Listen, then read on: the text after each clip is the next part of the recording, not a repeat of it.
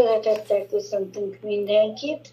Újra itt van a Biblia tanulmányozó csoportunk, és uh, még mindig Jákob életénél tartunk. Uh, az, itt van velem a Brigi, a Csobi, Anna, Tomi, Andris, és együtt próbáljuk uh, olvasni az igét és okulni a dolgokból, amiket az okulásunkra megiratta. A múltkori részben úgy fejeztük be, hogy a angyallal, vagy egy férfiúval túlszakodott Jákob, és aztán pedig elnevezte azt a helyet, miután tuszakodott és az angyal megáldotta Pénuélnek, ami azt jelentette, hogy az Isten arca. És én nekem ez, ez nagyon, engem ez nagyon megfogott ez a név, hogy ott találkozott Jákob az Isten arcával és hogy megáldotta az Isten őt. És innen megyünk tovább, az 1 Mózes 33. része, és Annát szeretném megkérni, hogy elolvasná nekünk az 1 Mózes 33, 1-től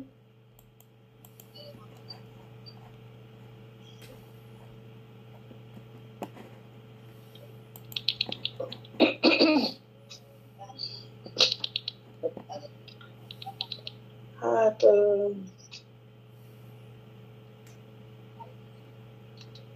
Hát a háromig jó, talán. Hétig. Hétig? Tessék? Jó. Legyen. A hétig? Igen. Egytől hétig. Jákob pedig felemelte szemét, és látta, hogy imé Ézsau jön, és négyszáz férfi ő vele. Megosztotta azért a gyermekeket Lea mellé, Ráhel mellé, és két szolgálója mellé.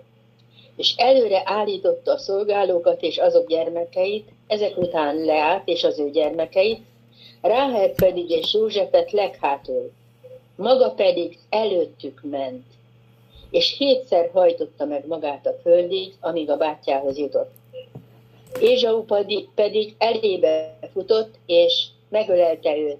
Nyakába borult, és megcsókolta őt, és sírtak. És felemelte szemeit, és látta az asszonyokat és a gyermekeket, és mondja, kicsodák ezek te veled? Ő pedig mondta, a gyermekek, akiket Isten, akikkel Isten megajándékozott a te szolgádat és közelítettek a szolgálók, ők és gyermekeik, és meghajtották magukat. Elérkezett Lea is az ő gyermekeivel, és meghajtották magukat. Utoljára érkezett József és Ráhel, és ők is meghajtották magukat. Köszönöm.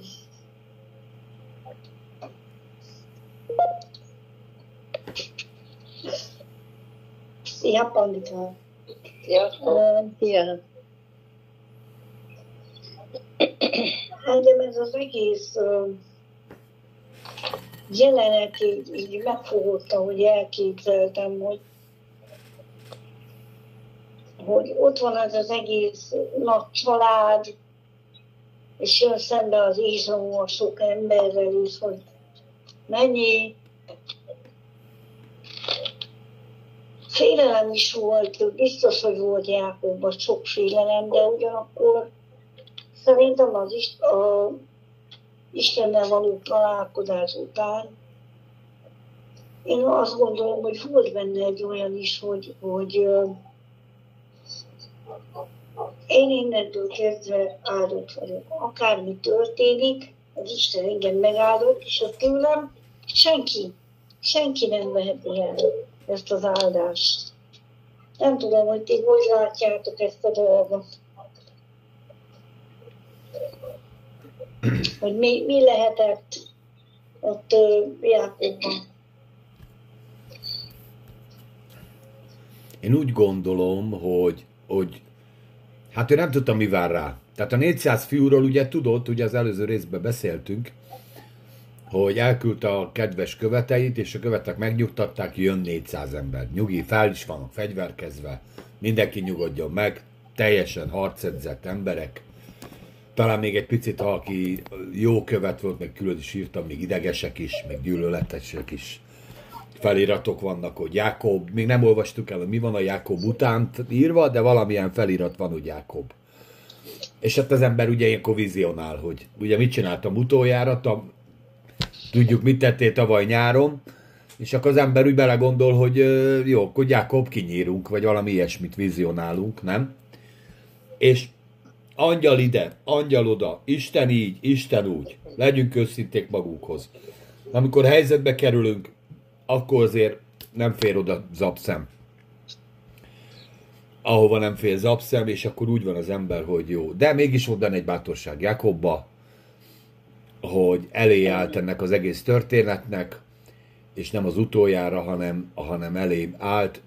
Gyakorlatilag az önfeláldozás, ez abszolút itt kirajzolódik.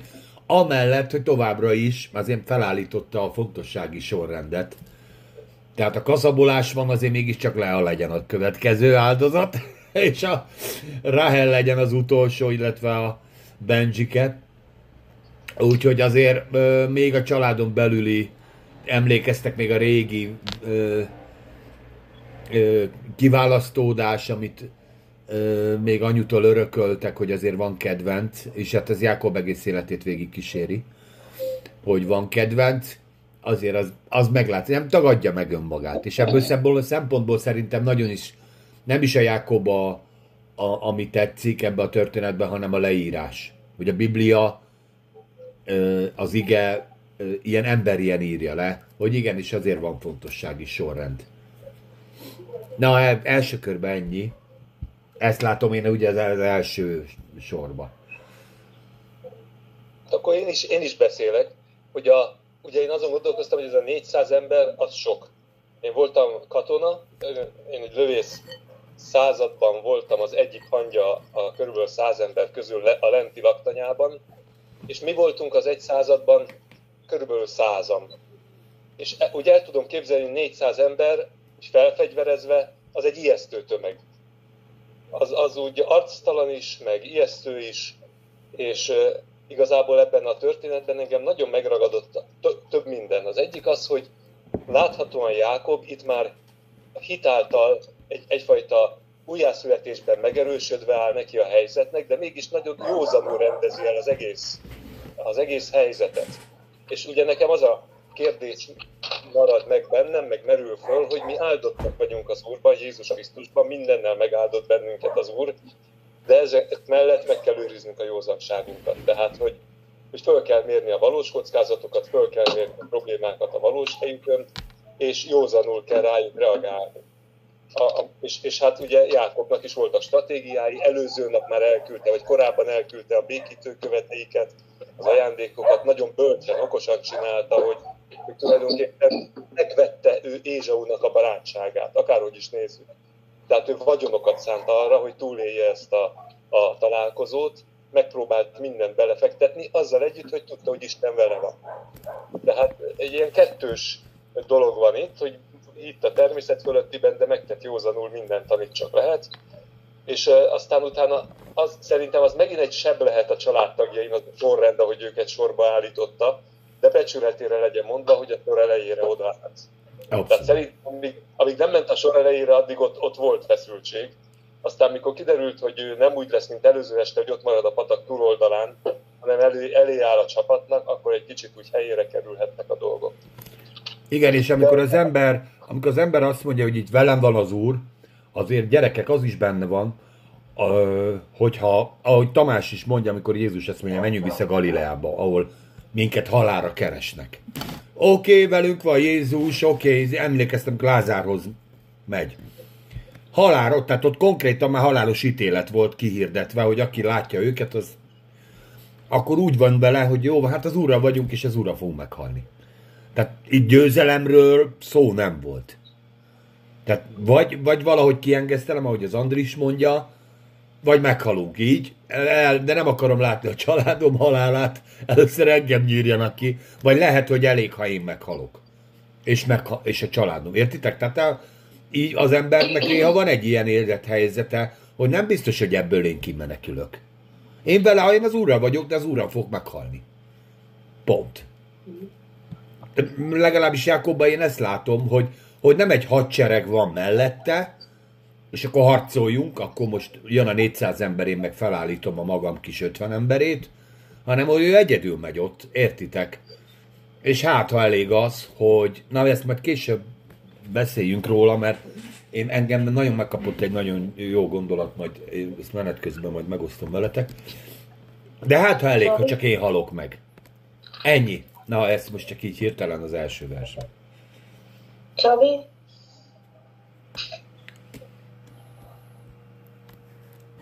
Hát ez, ez nagyon nehéz élmény, és nem tudom, hogy ki élte át igazán. Nekem egyszer volt egy hasonló, de nem ennyire erőteljes, mint tudtam. Engem inkább a következő igék azok, amelyek megragadtak, úgyhogy most nem szaladok előre, de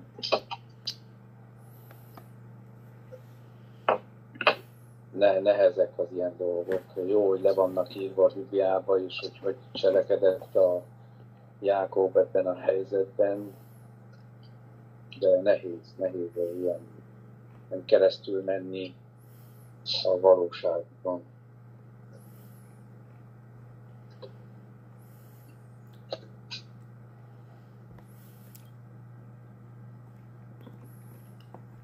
Most csak ennyi. Anna? Én? Igen. Hát igen, én ezt úgy látom, hogy, hogy félt. Miután a, az előző csatából szinte csatából csatába ment, gondolta ő, és, és azért tele volt félelemmel, elküldte az ajándékokat, a testvérének minden, hogy, hogy, hogy legyen, hogy legyen fölállította, ugye visszament a, a szigetre, és akkor az előző ő szerint felállított dolgok teljesen mássá változtak. Tehát harcolta az Isten angyalával, és győzött. Győzött, hát igen. És akkor ott változott meg Jákob teljesen, mert addig ugye azt mondta, hogy két csapatra osztott, osztom az embereimet, az jószágokkal, meg, meg mindennel, hogyha az első csapatot levágják, a második megmarad. Itt már a másodiknál, akkor, mikor már megtudta, hogy 400-an jönnek, akkor, és ő az angyallal harcolt, akkor már úgy állította föl, hogy ő ment előre, és utána ment, mentek a, a, a szolga a gyerekekkel, a Lea, és legutoljára ugye a Józseffel a, a másik feleség, kedvenc, a Ráhel. És akkor igen, igen, egy, egy iszonyatos utat járt ő be, a félelemtől kezdve, tehát a félelemnek a mélységeit járta át ő azon az éjszakán. De szerintem megtapasztalta, átélte, és, és átéljük jó párszor, hogy amikor az Úr velünk van, megváltozunk. Hogy amikor kijövünk egy-egy nehéz helyzetből, ha nem is végleg, végleg de, de, de már látjuk, hogy az úton velünk van az Úr. Hogy nem hagy el bennünket, hogy fogja a kezünket, és hogy, hogy szinte minden nap ad nekünk útmutatást. És, és, és az egyetlen barát, aki van a világon, aki mindig hűséges marad akkor, akkor nem félünk annyira, akkor föl tudjuk magunkat is áldozni. A családjainkért mindenképpen, de azért nagyon sok olyat lehetett hallani ugye a háborúban is, hogy, hogy emberek föláldozták magukat a többiekért, ők ott maradtak, hogy a többiek megmeneküljenek. És, és én úgy gondolom, hogy, hogy Jákob így végigment ezen a dolgban, és ő bizonyságot szerzett az angyalal való viadal által, hogy az Úr vele van, és nem hagyja el. És ennek a vége nem, nem, nem, nem egy halál lesz. Mint ahogy nekünk sem. Oké, okay, de benne van. De figyelj, Anna, benne van. Hogy lehet, hogy halál lesz. De, nem a, de a halál nem, nekünk nem végállomás. Tehát itt, itt pont így ez van, a lényeg, pontosan, hogy mi nem van. ebben gondolkodunk, hogy itt a vége és megsemmisülünk, hanem így van, van egy további dolog, így. amiben benne van a halál így van. is. Igen. Így van. Ugyanakkor pedig az, hogy akiket szeretünk, a szeretteinket, akkor azok előtt tudunk menni. Igen, igen, igen, abszolút. Hát itt, itt, itt mondom, én, ezt, én is ezt látom, hogy itt azért az önfeláldozásnak van egy szerepe. Igen, igen, igen. És egy része, ami felülírja a, a félelmeinket, felülírja a, a különböző víziókat, amiket ilyen negatívan látunk, és ezt álljunk elé. Igen, Tehát, hogy igen. tényleg e, e, ez a fajta dolog, hogy, hogy tényleg ő is, Jákob is annyira szerette a bajt, hogy inkább elé ment. Hogy akkor most, akkor legyünk igen. túl rajta. Így jó egyébként orvoshoz menni, Andris. Igen. Menjünk oda, azt akkor legyünk túl rajta. Nem várunk, várunk, várunk. várunk. Panika? Meddig mentetek? Csak a hetes versik. Az, az egyes verset beszéljük meg, 33-1.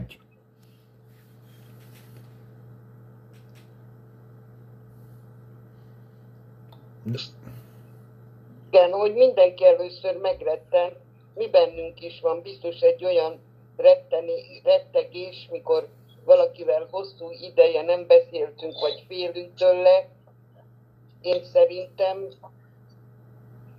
de ő már annyira megharcolta az ő harcát, az Istennel való kegyelemmel, hogy én szerintem ő itt már rátett az Istenre. Én, én azt látom benne, hogy ő már, már nagyon az Istennel jár ebbe, ebbe a versben, az első versben igen, hiába osztotta szét a szolgákat, mindent, ő már megharcolta a harcát, és ő úgy volt vele, hogy ő már, ő rábízta, igen, ahogy mondtátok az előbb, hogy ő már rábízta az Istenre az ő dolgát. Van bennem egy ilyen érzés, ahogy tovább lapozom is, igaz, hogy még ott nem járunk, de igen, csak rábízta már. Igen. Igen, igen féltette őket, mint ahogy mi is féltjük a, a hozzánk tartozókat, de, de, de inkább az Istenre hagyatkozott. Igen, itt már igaz később is nem akarok előre szaladni, és se úgy, mint a Csabi. Igen, igen, igen. Én, én, én nekem ez volt belőle. Végén?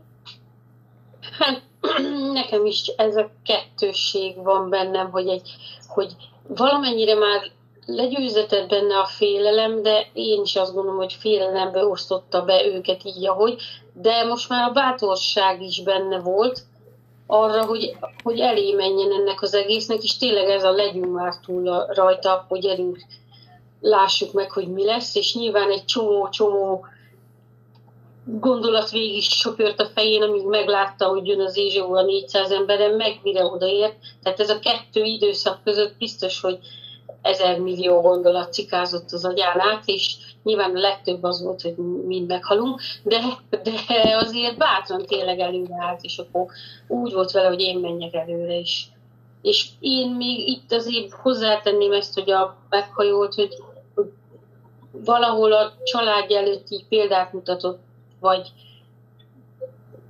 igen, példát mutatott, hogy gyerünk is, akkor legyünk túl rajta, és legyünk bátrak, és meghajtotta magát, hogy na, megalázom magam előtted, mert tudom, hogy mit tettem tavaly nyáron. igen, és az, hogy hétszer meghajolt, tudjátok azért, amikor, amikor hét, a hetes szám van, azért mindig őt Isten fel lehet fedezni. Valószínűleg ezt az utat, ezt a hét meghajlást ő nem csak Ézsau felé szólt, hanem ez már az Isten felé is szólt. Tehát ő ezt gondolom, hogy végig imádkozta, legalábbis a magamból indulok ki, én ez biztos, hogy végig imádkozta volna magamat, és ez a hetes szorzó, ugye ez nyilván ez egy keleti szokás is, de azért ebben benne van az Isten, hogy Isten felé is meghajott, talán elbúcsúzott Istentől, mindjárt találkozunk. Most tényleg meglátom az Isten arcát, amiről a Timi beszélt. Az Isten arca faluba, meglátom az Isten arcát konkrétan, mert nyárt is megyek a túlvilágra. Benne van ez. Hát gyerekek, ezért egy kivegző osztag felé indulsz, 400 ember jön, én is voltam katona, bár egyesek szerint operett katona voltam, de én is jártam laktanyába, ahol katonáskodtak emberek. És hát tényleg azért 400 ember azért az félelmetes tömeg, az mindenképpen. Eszembe jutott egy történet az életemből. Lehetne, nem tudom, lehetne ezt a támadást ö, arra is érteni, amikor betegség támadja meg a családot. És olyan betegség, amire úgy gondolod, hogy nincs menekülés. Az egyik dolog most, hogy látom, Jákob itt egyedül volt egyedül kellett az egész családját és mindenkit odaállítani. Egyedül vívta meg ezt a harcot, de milyen jó, amikor van egy feleségünk és van egy családunk, akivel együtt tudjuk megharcolni a harcot. És ez, ezelőtt 30 évvel emlékszem, hogy nagyon kicsi volt még a kislányunk, és nagyon beteg lett, és a munkába voltam, és a feleségem telefonált, akkor még nem volt mobiltelefon, úgyhogy a telefonon elérni ilyen nehéz dolog volt, és telefonáltottam a főmérnöknek, a főmérnök hivatotta fel az irodába, hogy azonnal menjek haza, mert nagy baj van. Gyorsan mentem haza, és akkor mondta a utkám, hogy, hogy gyere gyorsan, mit csináljunk, a kislányunk már annyira hosszú van, egy vírusos fertőzés támadta meg, hogy már levegőt is alig kapott, és hogy nézte csak a falat. Már sírni se volt ereje, már semmit, már csak nézte a falat, és nem mondott semmit, nem, se nem beszélt semmit, csak nézte a falat. És akkor ketten a feleségemmel leborultunk térdre, és felkiáltottunk Istenhez, megfogtuk egymás kezét, és imádkoztunk Istenhez, és segítségül az úrunkat és utána fogtuk a gyereket, és elmentünk az orvoshoz. És miközben mentünk az orvoshoz, azon az úton, az úr meggyógyította a gyereket, meggyógyította a lányunkat, mire odaértünk az orvoshoz, meggyógyult a kislányunk, és az orvos csak megállapította, hogy egy nagyon súlyos betegségen ment keresztül, de jobban van. És hogy, hogy már teljesen már gyógyszerre is alig van szüksége. Csak ezt akartam mondani, hogy könnyebb ketten megharcolni az ilyen nagyon nehéz harcot. Abszolút, abszolút. Én azt is el tudom képzelni, hogy, hogy úgy ment előre, hogy az is megfordulhatott a fejébe, hogy én bántottam meg a bátyámat. Én csaptam be. Ha én elől jövök, és dühébe engem megisöl, még megmaradhat. Ne, abszolút jó. Abszolút. Hát igen, mert a, ugye én azt vettem észre, ez a 33-as, a 33-as rész, ez a 33-as, ugye? Igen. Ez igazából nem is Jákobról szól, hanem Ézsauról. De Jákob is benne szereplik. Mert ami engem az egészben megfogott, és az, az jön most, hogy, hogy van egy olyan van egy olyan dolog, amit úgy hívunk, hogy megbocsájtás. És az Ézsau van az a 23 év egy olyan változást hozott, ami nem a Jákobnak köszönhető. Nem a Jákobnak az ajándékai, mert ezt ugye látjuk majd itt a következő részben, de a hetesig, ugye, amit olvastunk, ez kiderül, hogy hozott egy olyat az ő szívébe, amit úgy hívunk, hogy egy feltétel nélküli feltétlen megbocsátás, ami egyébként az igében is ritka.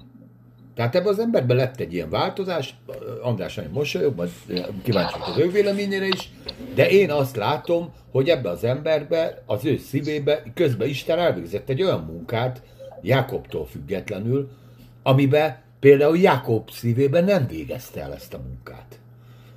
És majd erről beszélgessünk, hogy a félelem, Én- tehát ha valakitől félek, annak meg tudok-e bocsátani, mert a megbocsátásnak is nagyon-nagyon sokféle ö, feltétele van, és nagyon-nagyon sokféle megbocsátás van. Nem csak egyféle megbocsátás van, hanem nagyon sokféle megbocsátás van, és például a Nagy Jákob, aki Istennel járt, abba ezt a munkát az Isten nem tudta ez alatt az idő alatt elvégezni, amiben, amit elvégzett Ézsauban. Hogy úgy bocsátott meg Ézsau, hogy nincsen feltétel, hanem csak önmagába megbocsátott. Ahogy az Isten nekünk megbocsát, hogy nem kell ajándék, nem kell vezeklés, nem kell semmi, hanem azért bocsátok meg, mert, mert szeretlek téged, és kész. Ma beszélgettem ma pont, Várj, már András megszorítottam, bocsánat. Na, mindenki beszéljen, mert most bedobtam egy követ a vízbe, igen, jogos. Igen. Mondd csak, Anna. Mondd. Nekem olyan, nekem olyan Tomikám, mint a tékozló fiú. Hogy azt mondja, hogy nem érdekel semmi, gyere. És, és sírva bort, ő viszont meg, megalázkodott, leborult elébe, és a, az Izseu pedig csókkal szaladt felé, vagyis a megbocsátás. A, nekem mondom, a tékozló fiú jutott eszembe. Hát Ez gyakorlatilag a tékozló fiúba is Nagyon sok a, a, az ö, atya, atya ugyanígy bocsátott meg, ahogy Ézsó megbocsátott Jákobnak, hogy nincs Így feltétel. Így van, így van, így van. ma beszélgettem a lányommal pont egy ilyen dologról, hogy, hogy az emberek olyan sokszor van, hogy kitartanak a haragba, a gyűlölködésbe, és, és amikor, amikor annyira megkeményedik a szívük, és közben azt, aki, aki, akire úgy haragszik, akár a szüleire, vagy testvérére, vagy bárkire, és az közben valami történik vele, és, és meghal, vagy valami, utána nem tudja megbocsátani magának, hogy nem tudott vele kibékülni. Utána akkor veszik észre az emberek nagyon sokszor a hiányt, amikor már, már nincs lehetőség a, a dolgoknak a jóvátételére.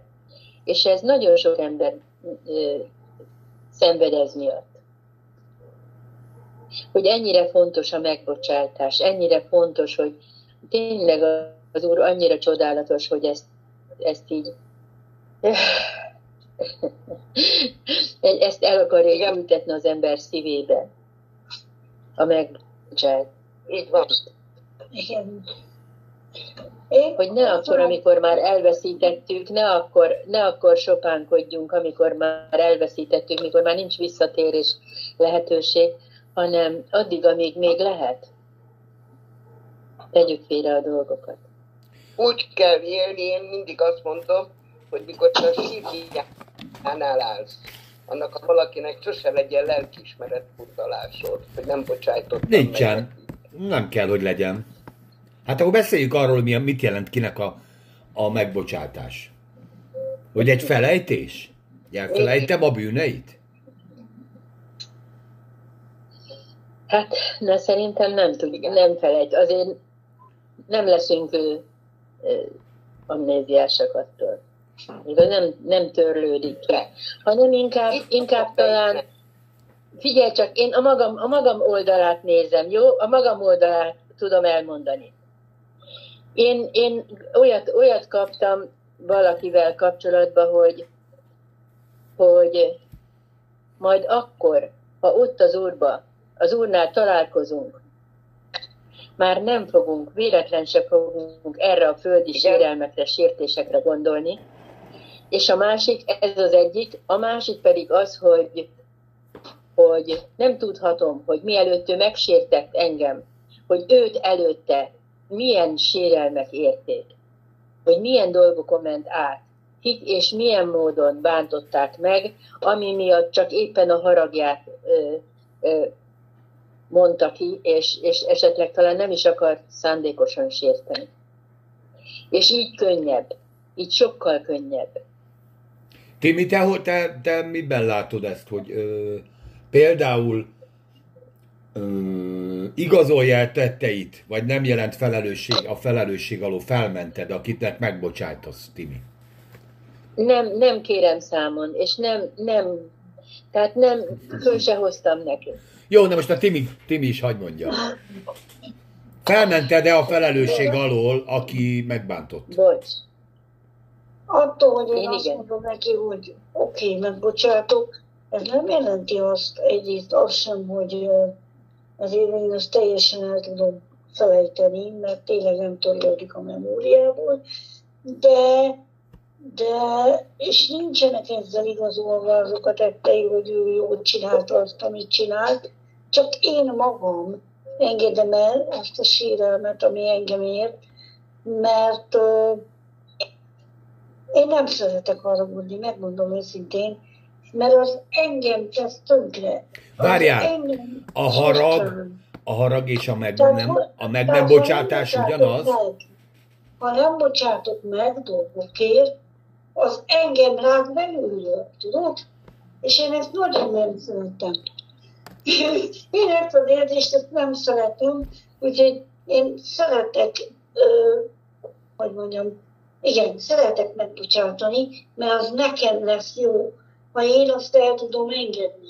De tudsz-e Azt úgy, tudsz-e úgy megbocsátani, tudsz-e úgy megbocsátani, hogy közben haragszol? Nem. Nem. Nem, mert nem a semmibe engedem el, hanem leteszem az úr kezébe, és azt mondom, hogy látod Istenem, ez történt, de én megbocsátok és elengedem ezt a dolgot, és nekem ez szokott segíteni abba, hogy ne hánytorgassam fel újra annak az embernek azokat a dolgot, ami, amit tett ellenem, szokott segíteni abban, hogy ne úgy nézzek rá legközelebb, hogy na ez megbántott engem tegnap, akkor ma is biztos, hogy így fog jönni hozzám. Tehát nekem abban is segít, hogy hogy nézek arra a másikra. És, sok minden, tehát nekem a megbocsátás az sok mindenben segít a saját életemben. Mert attól, hogy ő elkövetett ellen vala, ellenem valamit, egész lehet, hogy nem is tudja, hogy engem megbántott dolgokkal. Mert vagyunk így, hogy tudtunkon kívül is megbántunk embereket dolgokkal. És az igen éli az életét, azt tudja, hogy mi történt velem, de ha én ezt őrizgetem magamból, az engem tönkre tesz.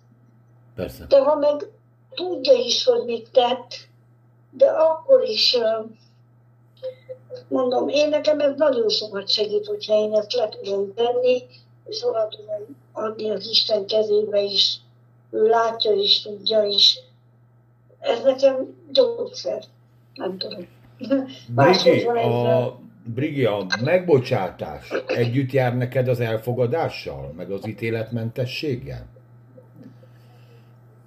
Hát az igazi szerintem igen. Tehát azért az én életemben is vannak, vannak olyan helyzetek, a rengeteg volt, amikor, amikor az volt tényleg, hogy meg kell bocsátani csomó sérülő vagy sérelmet. És az az igazság, hogy tényleg, ahogy így az ember lerakja az Isten kezébe, ha sikerül neki, és nem akarja őrizgetni a haragját, mert szok, szoktam azért olyat is, meg azért a bosszú is ott forog az ember fejébe, gyors ezerrel, de amikor, amikor eldöntöd, hogy te ezt már nem akarod tovább ezt így fenntartani, tehát tényleg meg akarsz bocsátani, akkor én azt tapasztaltam meg az én életemben, hogy az Isten jön, és azt a sebet, amit a másik okozott, begyógyítja. És olyan formán gyógyítja be, hogy nem maradott heg. Ami azt jelenti, hogy újra tudsz így kapcsolódni a másikhoz, ahogy a Timi is mondta. Most nyilván nem mindenkihez kell, de most ez csak az én, én például az apukámmal voltam így, nagyon sokáig nagyon haragudtam rá, és amikor megismerkedtem az Istennel, akkor, akkor jöttem rá, hogy nem, szab, nem jó az, hogy én haragszok rá, akkor se, hogyha ő olyan volt, amilyen.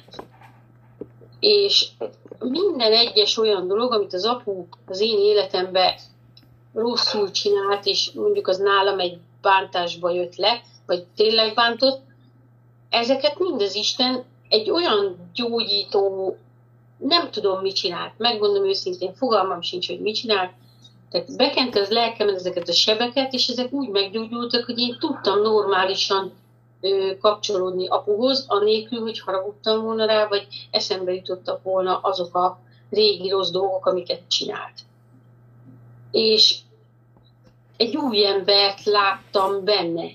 És közben meg nyilván nem ő újult meg, hanem hát újultam meg ezáltal, hogy az Isten segített átmenni. A meg, mostanában nem vagyok ennyire ügyes a megbocsátásba, ezt itt így bevallom, mert mostanában tovább bírok haragudni, és nem sikerül átvennem, amit a Timi itt most mondott, hogy letegyem, mert néha olyan igazságtalannak érzem, hogy én mindig megbocsátok, és mindig el akarom engedni, és mindig bízni akarok, és utána meg mindig kapom a pofont, és, és én már félek néha ö, újra bízni.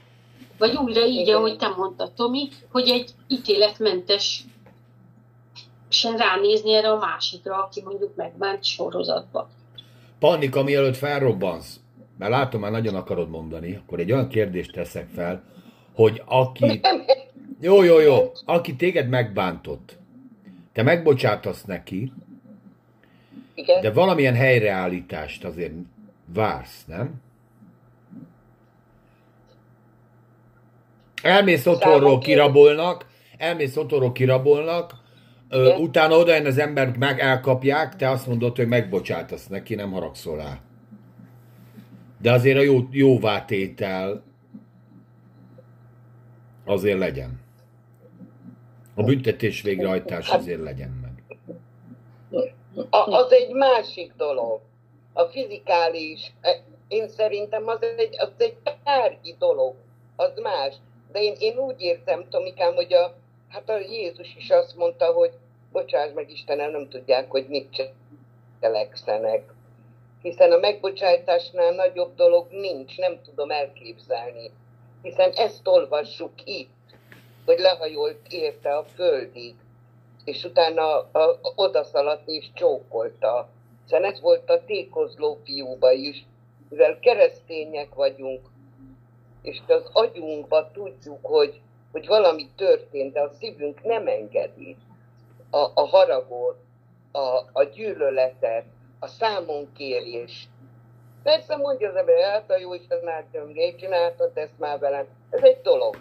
De, de igazi kajakra, egy, egy agresszív módon nem tudnám, nem tudnám, Tomikám. Aha. Az, hogy azokat a dolgokat ellopná a hűtőt, vagy, a, vagy ki tudja, hogy mit, az, az egy tárgyi dolog. De azért most De tegyük le a szívünkre a kezünket, titkon örülnél, ha őt is meglopnák, nem?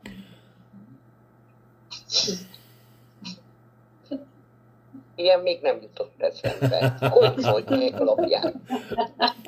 Hát most aki téged meglopott, aztán meg később kiderül, hogy őt évente magát is. Hogy őt magát is meglopták ezt az embert, azért úgy kicsit örülünk neki, hogy jó van akkor azért. Nem?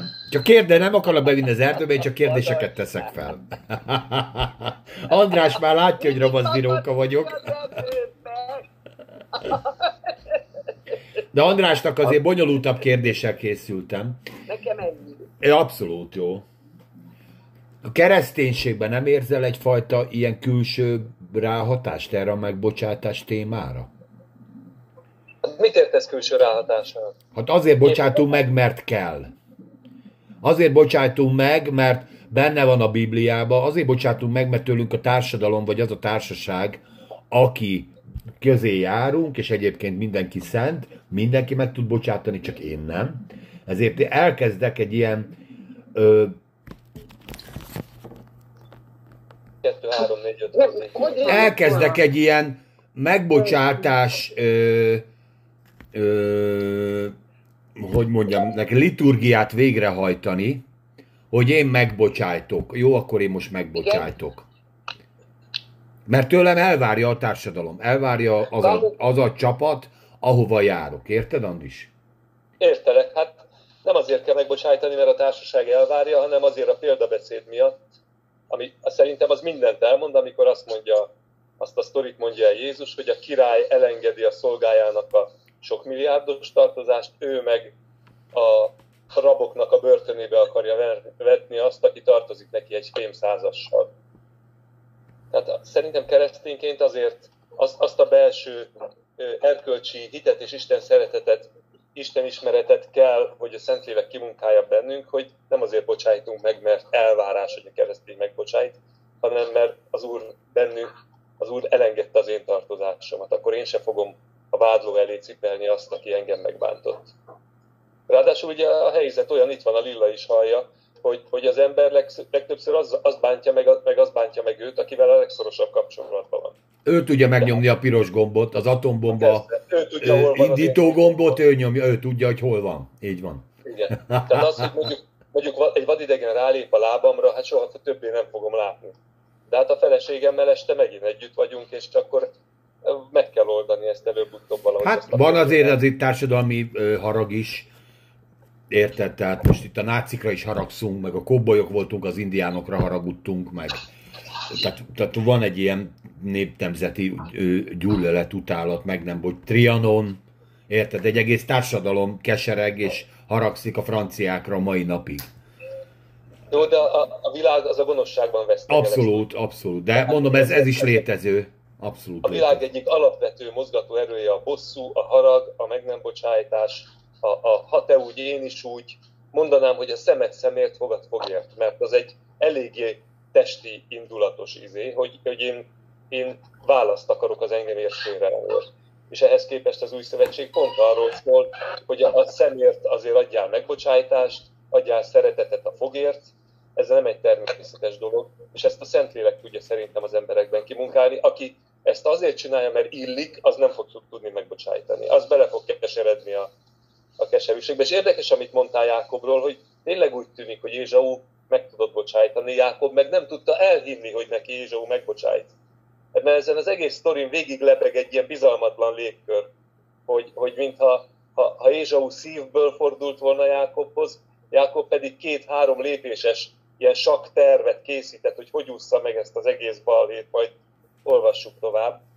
Úgyhogy az az érdekes, hogyha az ember elolvassa a zsidó rabbiknak a az állásfoglalásai, olyan mély Ézsau gyűlölet van minden, minden ige magyarázatukban, hogy az ember nem is érti. Igen, én is abba hagytam.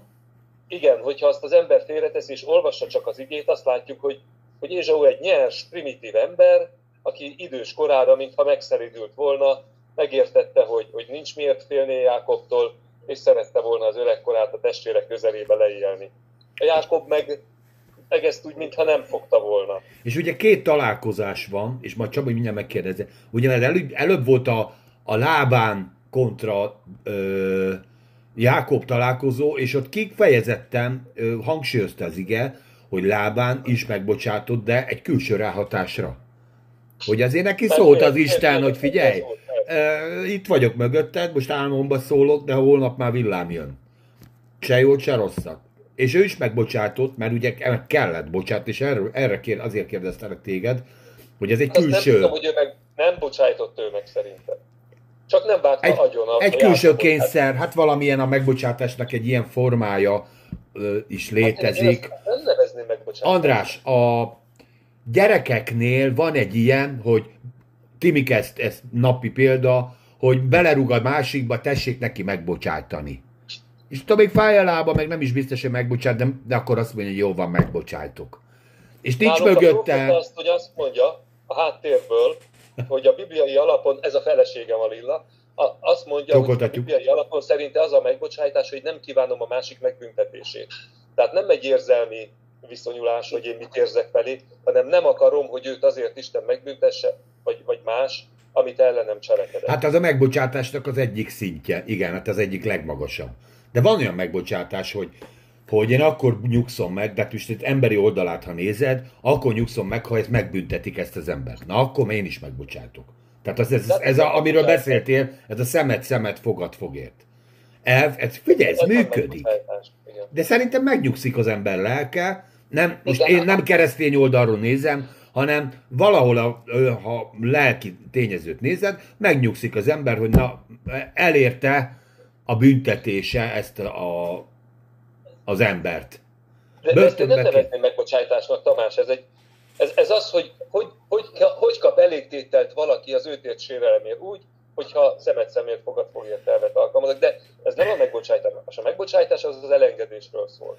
Igen, de én akkor engedem el, hogyha ő, ő is meg, legalább annyira meg, megsínlődött. Van egy ilyen szín, én erre olvastam példákat, ez majd egyébként majd a 35. részbe, nem is a 35 de majd itt Jakobnál azért itt a házatáján. Hát, olvastuk a Bibliát, nem mondj ilyet. Ott azért ennek élő példája is. Te most azt mondod, hogy meglőtt, hogy meglőtt, megdöglött a tehenem, tögöljön meg a, a, a szomszéd is. Ez butaság. Hát ez a bosszú, hát ilyen nincsen. Van, van, bo- Gyerekek, a bosszú vágy egy létező fogalom. Mert kisdobosok vagyunk is a tizen... Hagyd abba, hagyd mondjam végig. Jó, de van bosszú vágy és kész. Mint a kisdobosok, hogy a 12 pontot betartsuk, hanem azért, mert a lelkünkből jön. És akinek nem a lélekből jön, nem szívből jön, az csak egy bemagolt baromság. Ezt mondom. Na akkor erre akkor, térjünk át, jó? Akkor ne, én is hagyd kérdezzek, hagyd kérdezzek akkor. De várjál, még a Csabinak hagyd tegyek fel egy kérdést. Ja, bocs. De nehogy elfelejtsd, Anna. Még mert ők Csabi még nem kérdeztem persze. ki. Na akkor Csabi, most akkor ezt fejtsd meg. Ez egy tanult dolog, vagy egy belülről jövő folyamat a megbocsátás? Vissza kell emlékezzek az én életemben is az egyik legkeményebb megbocsátásra, amikor gyerekek voltunk, én 17, a testvérem 14, és állandóan veszekedtünk, ő állandóan árukodott én rám, én pedig minden nap megvertem őt azért, mert árukodott. Nagyon helyes. Akkor így, így ment az adok-kapok, és András. akkor a, a szüleim mi mondták, hogy mikor fog már a fejetek lágya benőni, érted, mikor fogjátok ezt abba hagyni. És én mindig mondtam a testvéremnek, hogy semmi baj, te elárulsz engem, hogy valamit tettem, másnap megint megverlek. Aztán egyik nap oda kötöztem az ágyhoz. Jaj. Oda kötöztem, amikor nem tudott elmenni onnan, meg ilyesmi. És amikor 17 éves koromban megtértem, és az Úr Jézus bejött a szívembe, egy olyan jó dolog történt velem, egy nagyon-nagyon jó dolog, hogy utána ránéztem a testvéremre, és nem bántott. Utána azt mondtam neki, hogy a következő nap nyugodtan árulhatsz el engem, nem foglak bántani, nem érdekel. Engem nem fáj, hogyha te holnap ezt fogod csinálni. És ki is próbálta, másnap megint ezt csinált, és nem vertem meg, nem, hanem szeretettel voltam iránta, és a testvérem pedig ámult és bámult, és azt mondta, hogy ő még ilyent nem látott, nem tudja, hogy ez most mi az. És akkor ezt folyamatosan csináltam egy pár hónapig, és utána majd a vízkeresztségre ő is eljött, és ő is megtért. Mert látta, hogy ez valami teljesen más, ilyesmi, ilyesmi nincsen, ilyesmit nem szoknak az emberek csinálni. Na jó, ez volt gyerekkoromban. Utána eltelt jó sok év, és akkor jött a kemény való élet, és az egyik munkatársam itten Magyarországon csinált egy nagyon, nagyon rossz dolgot velem, és akkor hát úgymond megint meg kellett volna bocsátani neki, de én most már tudatosan akartam gyakorolni feléje a jót, de persze nehéz volt magamban legyűrni azokat, amit csinált velem, hanem megint egy jó dolog velem, hogy a főnök magához hívott, és, és, és, és csodálkozott, hogy ez történt velem. Én alig voltam egy pár hónapja az új munkahelyen, és a régi munkatárs nekem jön többiek előtt nagy keményen, hogy többiek csodálkoztak is, és akkor én, mint egy félénk új valaki, nem tudtam, hogy mit csináljak, és a főnök magához vett, és elhívott hozzá hozzá, és megvendégelt, meg minden, úgy szemem szám, nem tudtam, hogy mi van, és utána másnap már, mint hogyha egy kő esett volna le a szívemből, mert megint egy jó dolog történt. Utána elmentünk együtt ezzel a kollégával egy külföldi útra munkaügyben, és elvittem őt, és megvendégeltem, hát éppen történetes Romániába kellett menjünk, és ott ismertem egy nagyon jó vendéglőt, és megvendégeltem az egyik legjobb vendéglőbe ott Romániába, és az a kollégának annyira meglepődött minden, hogy teljesen megváltozott, és azóta az egyik legjobb kollégák van is olyan jó kapcsolat, amit mindenki csodálkozik, hogy, hogy mi van, mi történt, mi történt veletek. És utána én is elfelejtettem, ő is elfelejtette, és nem nem, nem neheztenünk többet teljesen. Tehát, hogy mondjam, valami kell történjen, valami kell történjen. A, a, először az Úr ö, ö, tesz csodát az életünkbe. És ahogy, ahogy András is mondta, hát nem érzelmi dolog, de az Úr Jézus is azt mondta a kereszten, hogy atyám, ne tulajdoníts nekik ezt a bűnt. Tehát erre kell valahogy Csabi azért, és aztán az Úr segít. Persze, azért az ördög megpróbálja a kapcsolatokat. Mert a, a figyelj, kapcsolatoknak is a, a, az értéke, az pont abból van, hogy, hogy megpróbáltatik. Hogy a konfliktusban is ö, tudunk-e barátságban lenni, van egy magasabb rendű dolog, a szeretetünk, mint a konfliktusaink, vagy az egyéni érdekeink, és hogyha kell a a, a harag, vagy a veszekedés, ugye lelki érzelmi síkon másik irányba megyünk, és ennek utána is együtt vagyunk, mint kapcsolat, szerintem az egy értékesebb kapcsolat, mint egy olyan embert szeretni, akit mit tudom én, hetente egyszer látok, vagy havonta egyszer látok 10 percre. És amikor konfliktus van, tényleg még konfliktus van, azt meg tudjuk együtt oldani, hogy az megoldódjon. Szerintem ebben van a megbocsátás titka, ehhez kell szerintem érettség, ehhez kell az úrral való, tényleg olyan járás, amit a Szent Szellem bennünk végez. Ezt ö, fiatal, nagy habitusú, nagy mér, vérmérségletű embereknek egyszerűen hiába mondjuk. Talán megalkuvó vagy vallásos módon mond, kimondják a megbocsátok szót, de, de ezt, ezt Isten ki kell, hogy munkálja. Tehát Ézsaunak hiába mondtam volna Izsák, hogy bocsáss meg neki. Érted? Oké, okay, majd nagyon ütöttem. Igen, majd ha agyon ütöttem, majd ha lóg, akkor. De gyerekek, azért nem fordult meg senkinek a fejébe, a Róma 12-ben is van egy ige, hogy az ellenségedet vendégeld meg, mert tegyél jót vele, mert így eleven szenet gyűjtesz a fejére. Így van. Tehát ott is ellenség szó van. Hát de igen, de nem, a, nem abból a szándékból, hogy eleven szenet gyűjtsek, hanem hogy valamit tegyek. Tehát azt vettem észre, hogy azért, azért hogy hely, helyre jöjjenek a dolgok, valamit kell tenni. Tehát csak úgy magától nem oldódnak meg a dolgok.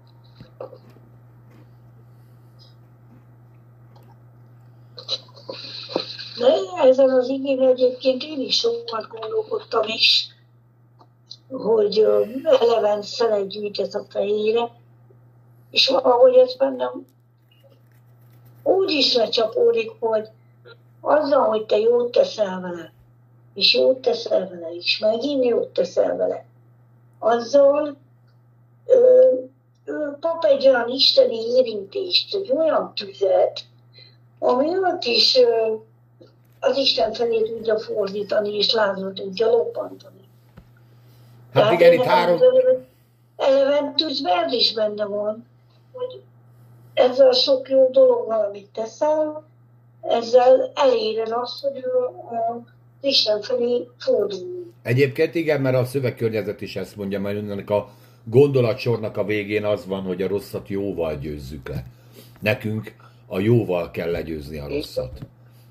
A igen. minket bántanak, ugye ezt mondja az is Pálapostól. mondani akart, itt felé fújtottuk. A, amikor bántanak, akkor mi imádkozunk. Amikor átkoznak, akkor mi áldunk.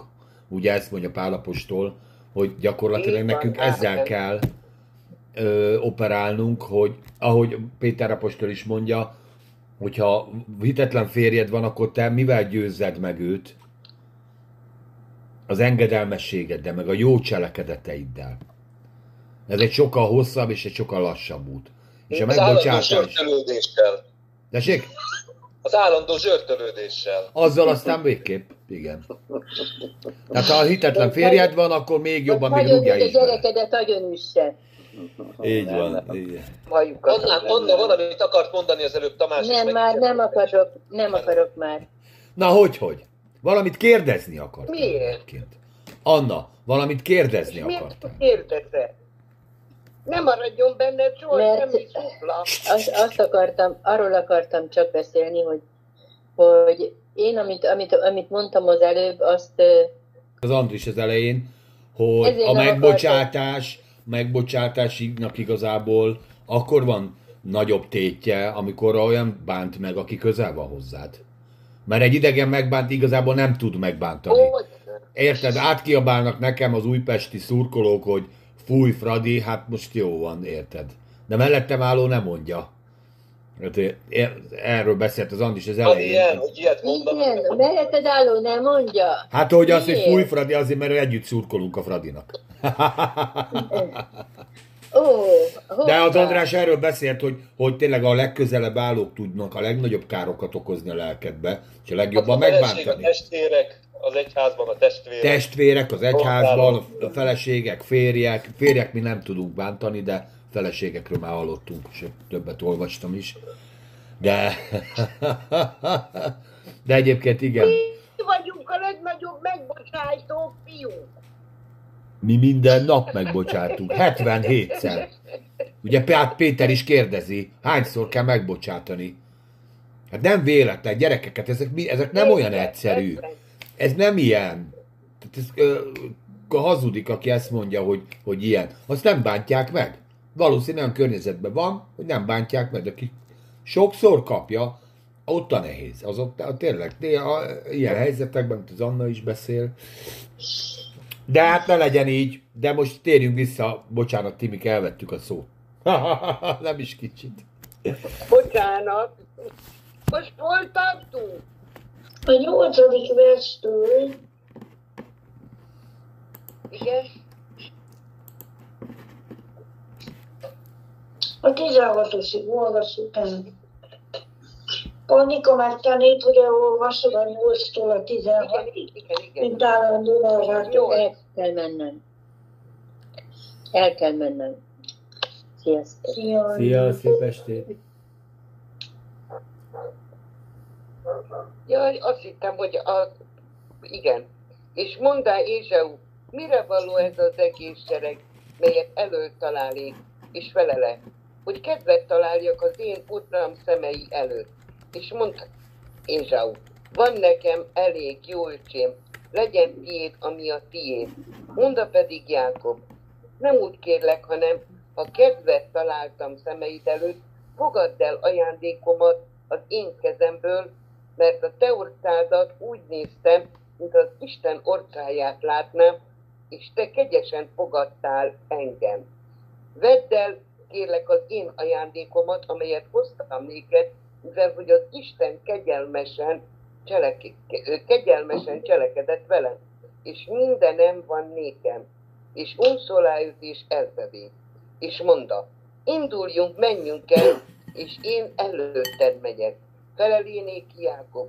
Az én uram jól tudja, hogy egy gyermekek gyengé, és hogy szoktatós juhukkal és barmokkal vagyok körül, amelyeket ha csak egy napig zaklatnak is, a nyájak mind elhullanak.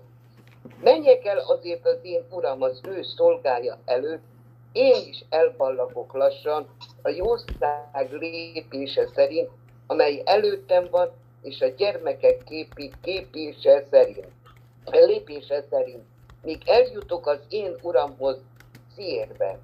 És mondta Ézsau, hadd rendeljek melléd néhány a nép közül, mely velem van. És mondta, minek az? Csak kedvet találjak az én uram szemei elől. Visszatérjé tehát Ézsau még aznap az ő útját Szér felé. Amen. Amen.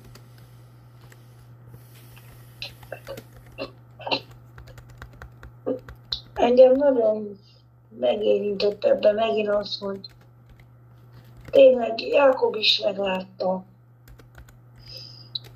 az Ézsau viselkedésében az, hogy, hogy az Isten is hogy viselkedik vele szemben. Azt mondta, hogy megláttam, amikor megláttam, megláttam az Isten arcát. És hogy ez mennyire fontos, hogy mi is, amikor benne vagyunk egy helyzetben, bárhol, boltban, munkahelyen, otthon, akárhol. Én nekem egy nagy vágyam az, hogy bennem is az Istennek a, az arcát lássák meg, mert mindannyian az Istennek a nagy követei vagyunk.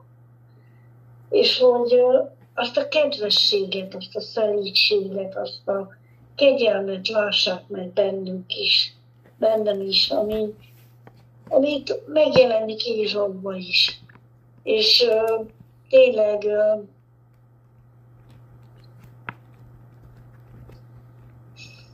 nem is tudom, tehát hogy elsöpri azt a fajta gondolkodásmódot Jákobból, ami benne volt eddig a testvére felé, hogy azt hitte, hogy ő is még mindig haragszik rá, és nem tudta elképzelni, hogy megbocsásson neki. És uh, tényleg, ahogy, ahogy benne vagyunk ezekbe a félelmekbe, az, az, az eltorzítja a gondolkodásmódunkat. Saját magunkról is, meg a többiekről is. Ha benne vagyunk a félelemben, akkor azt hiszik, hogy az a másik az bántani akart, pedig ez nem biztos, hogy így van. És uh, én még azt látom itt, ahogy Jákob uh, arca borult Ézau előtt, hogy igazából Jákob nem akart harcolni. Ő itt már letette a fegyvert, hogy mondjam, nem is volt nála, de hogy, hogy, hogy egyszerűen csak ki akar békülni a testvérjával? Hogy ki akar békülni a testvérjával, hogy neki az volt a fontos. És nem akart, nem akart harcolni. Szerintem. Ő neki eleve óta volt. Viszont a testvérjával még úgy emlékezett, hogy ő viszont egy nagy harcos. Egy homlás, egy uh, igazi egoista. Miért kellett a 400 ember? Én nem gondolkoztam rajta, de nem jutott eszembe semmi. Hát én olvastam egy ilyen kommentárt, hogy így közlekedett Ézsau. Aha. Tehát én 400-asával jelentek. Ugye elég nagy területeket. Biztonság nem volt jó. Hát figyelj, valaki szereti ilyet, megnézed a államfőket, ők is szereti körülvenni magukat. Trump, Putyin, érted? Csecsen vezér. Csecsen vezérek, ö, igen. Mi szeretett Viktorunknál is van egy konvoj. Mindenkinél van, van szereti Nekünk is körülvenni. így kell Szeglédre járni, hallott Tamás? Hát, igen. Hát hívjátok, mert titeket meg az angyalok tábora vesz körül. Többen vannak velünk, mint akik ellenünk vannak. De nincs ellenünk senki. Igen. Igen. É, igen, tehát a, visszatérve arról, amiről beszéltünk, az Ézsau őszintesége, egy na- nagyon jól fel is írtam, hogy Isten arca Ézsau. Ebben a helyzetben Isten arca Ézsau volt. Mert hogy amikor egy embernek megbocsátanak, akkor az az ember az valahol az Istent meglátja az emberbe. Most úgy mondtam, mint a Pannika. Isten. Az Isten meglátja az emberbe, mert Istennek a szeretetét érti, érzi át, amikor neki megbocsátanak. Akkor tudja, hogy vétkes. Tehát itt azért fontos azt tudni, hogy az ember tudja, hogy az, hogy vétkes. Nem véletlen volt ez a, az egész. Én szerintem ez a ugyanúgy beleilleszkedik Ézsau vagy Jákobnak az életútjába, mint a harc az angyallal, mint a lábán, hogy átélje a megbocsátásnak az örömét. Amit ő még nem tud itt elhinni, és ebben az egész sztoriba a pont falson viselkedik. Mert van ott egy őszinte ember, ő meg még mindig hazudozik. Érted? Tehát még mindig megy valami ö, oltogatás, nem tudok veletek menni, ö, inkább más csináljunk, inkább izé. Nem, nem mer, nem hiszi el a megbocsátást. Ő nem hiszi el, hogy, meg, hogy egy ember meg tud neki bocsátani. Vagy akár Isten. És ez nagyon érdekes, és ez egy nagyon ö, sok messzire mutató dolog, hogy elhisszük-e azt, hogy tényleg megbocsát az Isten. Csaba, nem? Igen, ez a, ez a csodálatos, amikor többet kapunk, mint amit elvárunk. És hogy ezt többet kapunk, mint elvárunk, hogy ezt Istentől. Van egy nagyon kedves ének, Emi, Emi Grantről hallottatok? Egy nagyon Igen, igen. kedves, nagyon jó amerikai keresztény énekesnő. Ő neki volt egy olyan dala, hogy double good to you, hogy kétszeres jó a te számodra. És azt énekelte meg, hogy amikor Istentől kapunk, amikor emberektől kapunk kedvességet, és Istentől is egyszerre, az egy dupla kegyelem, az egy dupla áldás, amikor emberektől is kapunk jó indulatot. És Istentől is kapunk jó indulatot.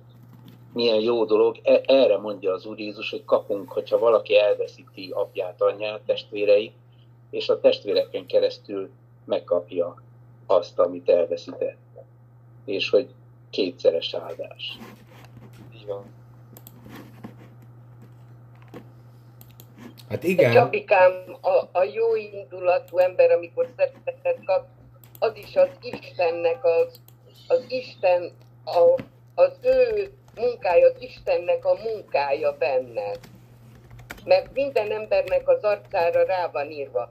A Tomi mondta nagyon régen, nem most, évekkel ezelőtt, mikor azt mondta, hogy bemegyek valahová, míg akkor nem itt dolgozott, máshol, és azt mondta, hogy látják rajtam.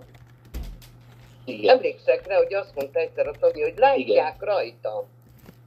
Látják, nem úgy szólnak hozzám, nem úgy kötekednek, nem úgy beszélnek hozzám, mert látják rajtam. És akárhová megyünk, bárhová, látják rajtunk, igenis látják. Nem szólnak hozzánk gorombán, én így tapasztalom. Nem szólnak hozzánk flagmán, igaz, én se úgy szólok, de, de szerintem látják az emberen. Mert az embernek az arcára kiül az Istenbe való szeretet. Ha én az Istent, a jó Istent szeretem, akkor nem tudom, nem tudok gorombán nézni, nem tudok utálatos lenni, nem tudok fincsorogni, egy elnyomott, egy tetves, egy, egy, egy piszkos, egy bármilyen emberre, egy tolvajra, vagy bárkire, mert a Jóisten a belém vetett szeretetét nem tudja gonoszsággal vagy rossz indulattal a másik ember felé vén- közvetíteni. Én, én így érzem, Igen. A, a, és az, mindig ez van az igében. Igen, az Úr nagyon csodálatos dolgot helyezett a mi szívünkben, és pedig az azt írja Istennek igé egyik helyen, hogy olyan jó cselekedeteket keressünk, járjunk, amik előre el vannak készítve. Vettétek-e észre magatokon azt, hogy, ha hogy egyszer csak azon jár az eszetek, hogy mit lehetne ennek a személynek valamit kitalálni, hogy valami kellemes meglepetés, valami szép, valami jó, ami, ami igazi szívből jön is valami hogy azon gondolkodni kell, energiát kell beletenni, és valami szép és jó lesz a, az eredmény. 38 éves házasság után is tenni egy kis cetlit, érted, a feleségnek a ruhái közé, vagy valami szép dolgot kitalálni, hogy mit, mit tudná őt felé, felvirítani ez a megbocsátás, hogy hogy mondjam, a, a magas iskolája, amikor próbálunk abban a jó cselekedetekben járni, amit Isten előre elkészített. Elkészített Isten bizonyos jó cselekedetet, és nem veszük észre. egyre inkább felnézek rád, Csaba, tehát nekem ilyen gondolatok eszembe se jutnak. Én is csak hallgatom Csabát, és, és ezt az érzést ismerem, hogy, hogy szeretnék valakinek jót szerezni, és sokat gondolkozok, és a végén semmi nem jut eszembe. És én, Nem, és én, én nem gyakorlod magadat igazán benne.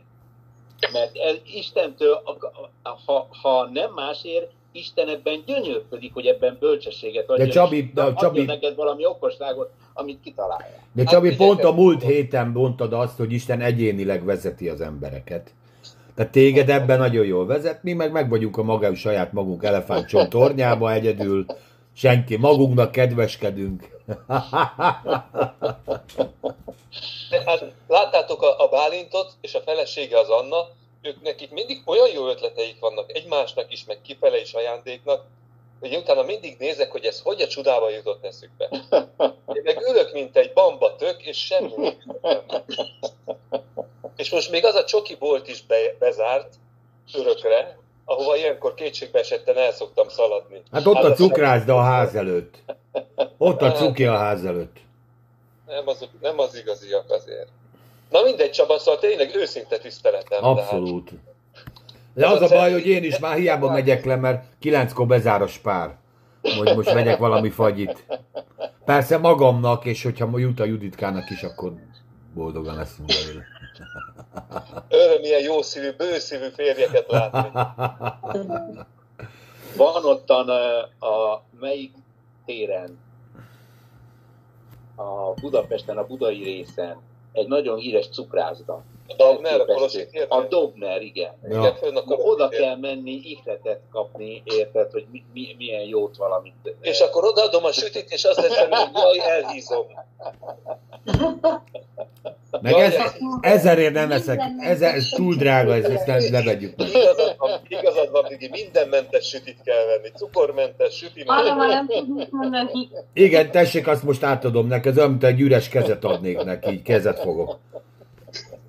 Hát a mindenmentesebben semmi nincs, tehát a levegőt odadom gyakorlatilag. Hoztam is ajándékot, meg nem is. Tehát ennyi.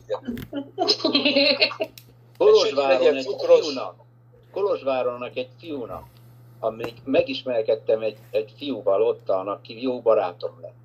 És gondolkoztam, hogy milyen valami kedvességet tudjak neki va- valamit szerezni, és láttam, hogy nagyon szereti, abban az időben akkor jelentek meg az ilyen zen, zenés kazetták.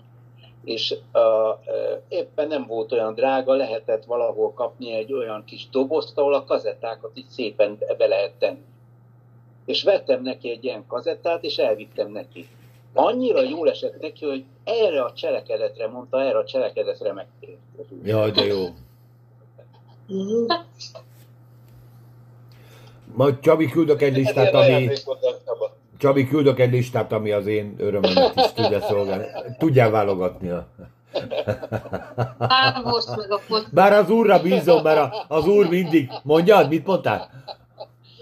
Star Wars és a foci. Star Wars, foci és a sör. Ebbe a háromba tudunk gondolkodni. Jó, na visszatérve, de tényleg, tényleg azt is, a, tényleg ne, az is nehéz egyébként el, elhinni, hogy az Isten úgy szeret bennünket, ahogy éppen vagyunk. Tehát ha most valami bűnt elkövetsz, az Istennek semmivel nem változik a szeretete az irányodba, mint amikor éppen az Isten tiszteletről jössz haza. Mert hogy nem ezen múlik. Most az jutott eszembe, hogy itt a Jákobról és a magunk életéből is, hogy ez az Izsú gyerek, ez, ez megbeszéltük, hogy ez egy vagány belevaló mindenbe benne lévő csávó. Én szerintem így az életet is így nagy kanállal habzsolta, és felületes volt egy picit. Nyilván ezért is tudott könnyebben megbocsátani, mert nem bántódott meg olyan mélyen. De én azt látom, hogy a Jákob viszont ő egy ilyen mélyen gondolkodó emberke lévén, ő nem bocsátott meg magának.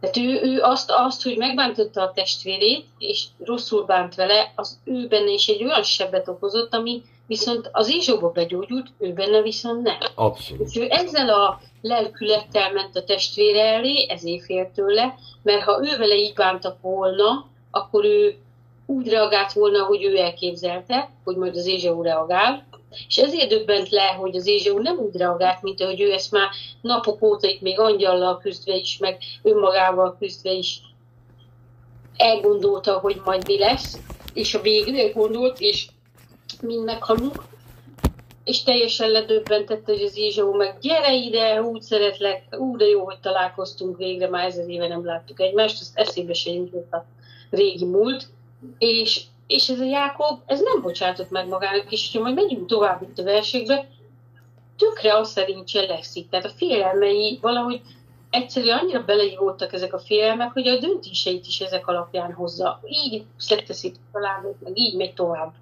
És ezek a félelmek olyan, mintha megmaradnának vele szinte az élete végéig. És valahogy, mintha nem tudna ebből kizökkenni. És olyan kettős, hogy az egyik fele az hisz az Istennek és bízik benne, de van ez a félős, aki, aki ilyen túl gondolja a dolgokat. Nem túl gondolja. Brigi azt kell megérteni, hogy ő 30 éve ezt ápolja. Uh-huh. Az elmúlt 30 éve ezzel telt. Hogy ta, ahogy, ahogy a, a tékozló fiú apja minden nap 30 évig azért ment ki, hogy jön a fia is megbocsásson, ez minden nap 30 évig azért nézett a távolba, hogy ma jön meg az Ézsau, és megöl. Hát érted? Ez, ez, ez egy olyan mély nyomot hagyott benne, amikor az, a, az ember így éli le az életét, ez, ez nem múlik el. Ez nem is múlhat el.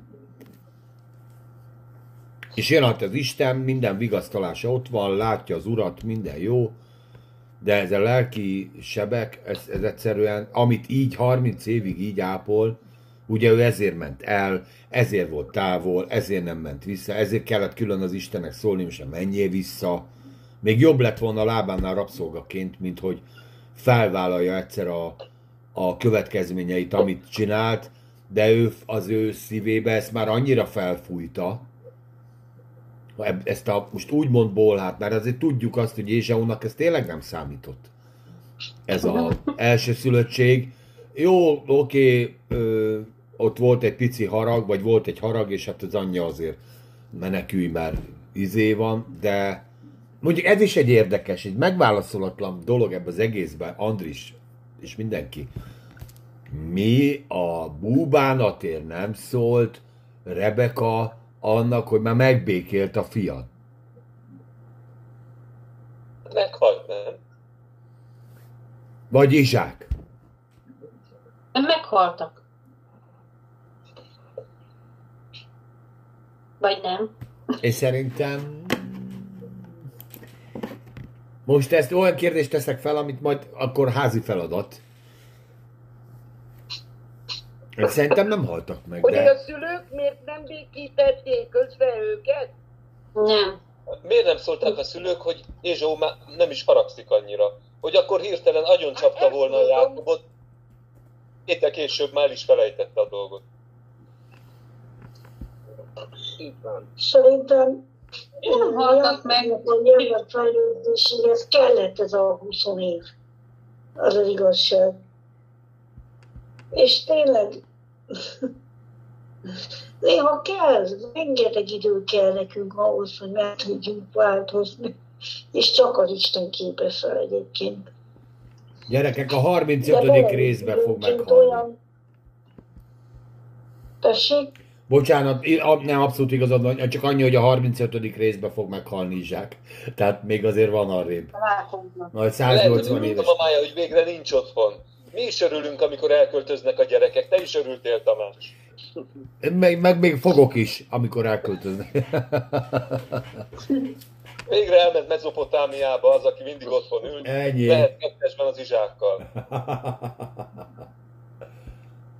Bocsánat, mondja, mondja Timi. Tehát valahogy én azt gondolom, hogy erre az időre Jákobnak is szüksége volt, ahhoz, hogy meg tudjon változni, hogy az Isten tudjon hozzá, közel tudjon férkőzni a szívéhez, és tényleg a szívével tudjon beszélni. Kellett, kellett. És sokszor nekünk is kell idő ahhoz, hogy, hogy és kell a puszta időnként, Isten az évünkről tudjon beszélni. Nem jó ott lenni, nem jó ott lenni, de ha nem hallgatunk rá a úgymond jó időszakokba, akkor keresztül megyünk a pusztán. De Istennek fontos az, hogy elérjen bennünket, és, és hogy megváltozzunk.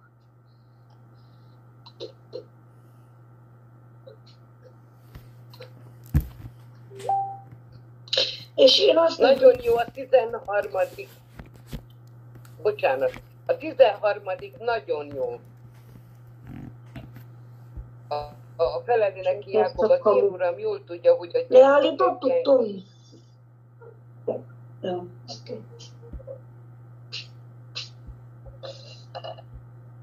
Nagyon jó. Mondja, Panika. hogy a 13. A, ö, ö, igénél, hogy felelénék Jákob az én uram jól tudja, hogy a gyermekek gyengék, és hogy szoktatos jókkal és barmokkal vagyok körül, amelyek ha csak egy napig zaklatnak is, a nyájak mind elhullanak. És ez annyira átvitt értelemben tényleg igaz, hogy még gyerekek vagyunk, nem értjük azokat a isteni dolgokat, tényleg elhullunk, elveszünk. Ez nagyon jó ige. Én nekem az jött le belőle ebből a 13-ból. Nagyon jó. Hát ugye itt arról beszél, Hú, hogy Menjen. Ézsau mondja neki, hogy menjünk együtt, és mondja, hogy nem tudunk együtt menni, mert ezek lassan mennek, gyakorlatilag erről beszél. Hát én nekem ez kamu, a- az egy dolog, az a fizik.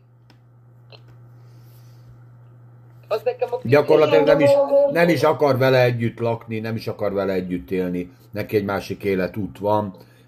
Örülök, megbocsátott neki, de igazából amiről a Brigi is az előbb beszélt, meg mi, mi is többen, hogy, hogy, hogy e- e- ettől ő most nem tud elszabadulni. Ez neki most túl sok, ez a szeretet.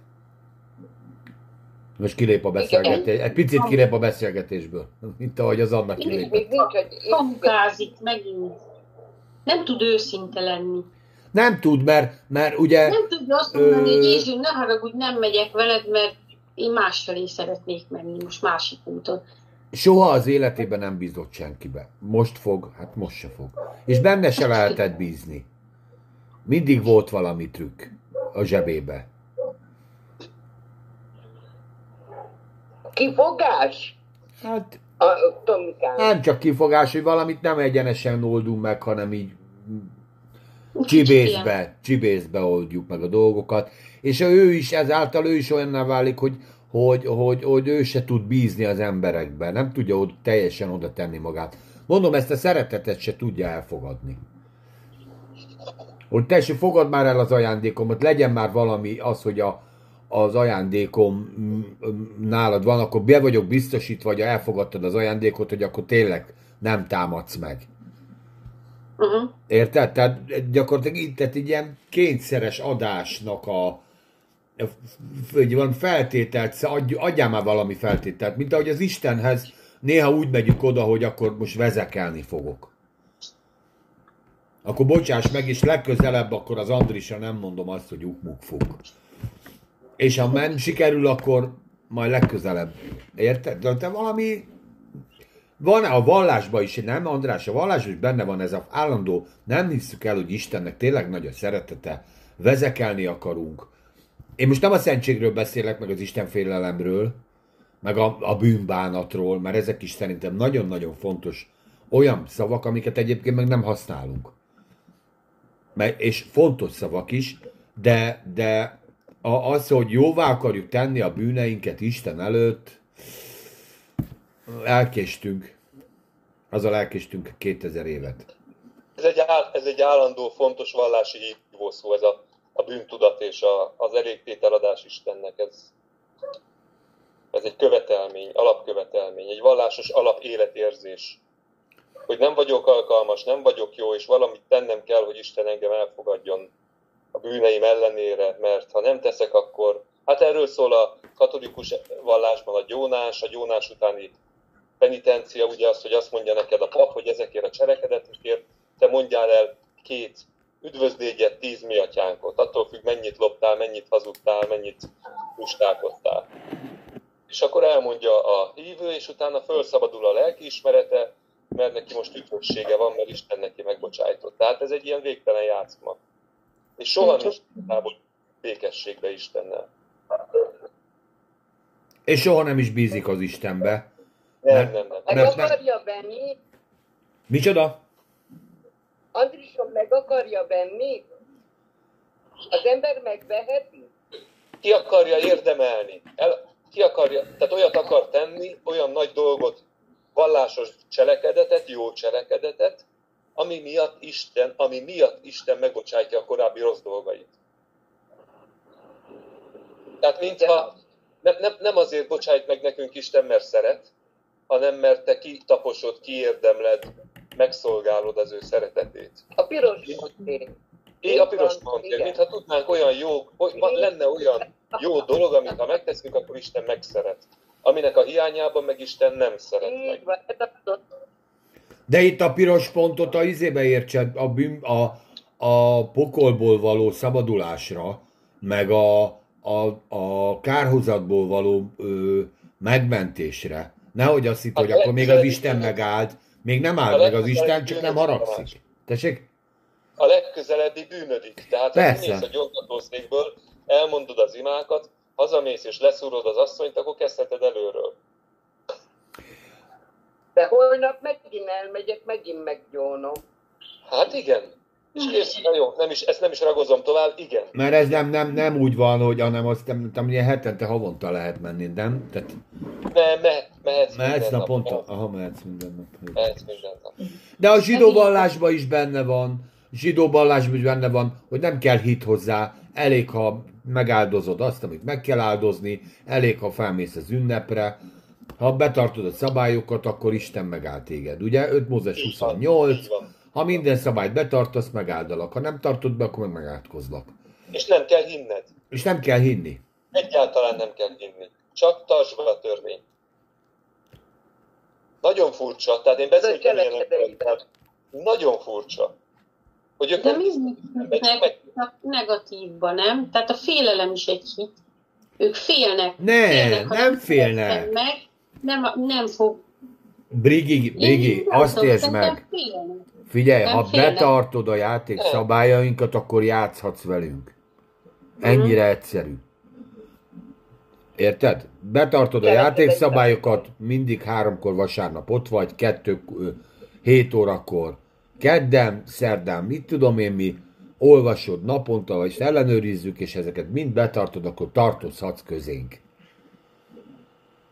Egyébként meg nem. És Egyébként a jó indulatunkon múlik. Van, és ott a mezúza az ajtófélfán, és szombaton nem csinál semmit, péntek nap lemente után nem csinál semmit, és akkor amiért Jézus mondta, hogy ugye betarthatatlan szabályok hencseregnek. És a szabály, és majd mi megmondjuk, hogy ezek a szabályok mit jelentenek, és innen indul a farizeusság, hogy a szabályokra mondunk néhány szabályt, hogy ez ezt jelenti, ez ezt jelenti, pontosan mit jelent az, hogy dolgozni, ugye ezt a, a szombatra külön könyvek készülnek. Hogy az munka, hogyha három lépésnél tovább mész, tíz Szabad-e gyógyítani szombatnapon? Szabad-e jót cselekedni szombatnapon? Ugye Jézus pontosan ezeket vetette fel, hogy Ugye saját állatodat kihúzhatod a veremből, az, hogy egy embernek segítsen, na de, már nem. Na de, ezért mondja az igaz, hogy nem cselekedetei által, igaz Így van. Ez, ezek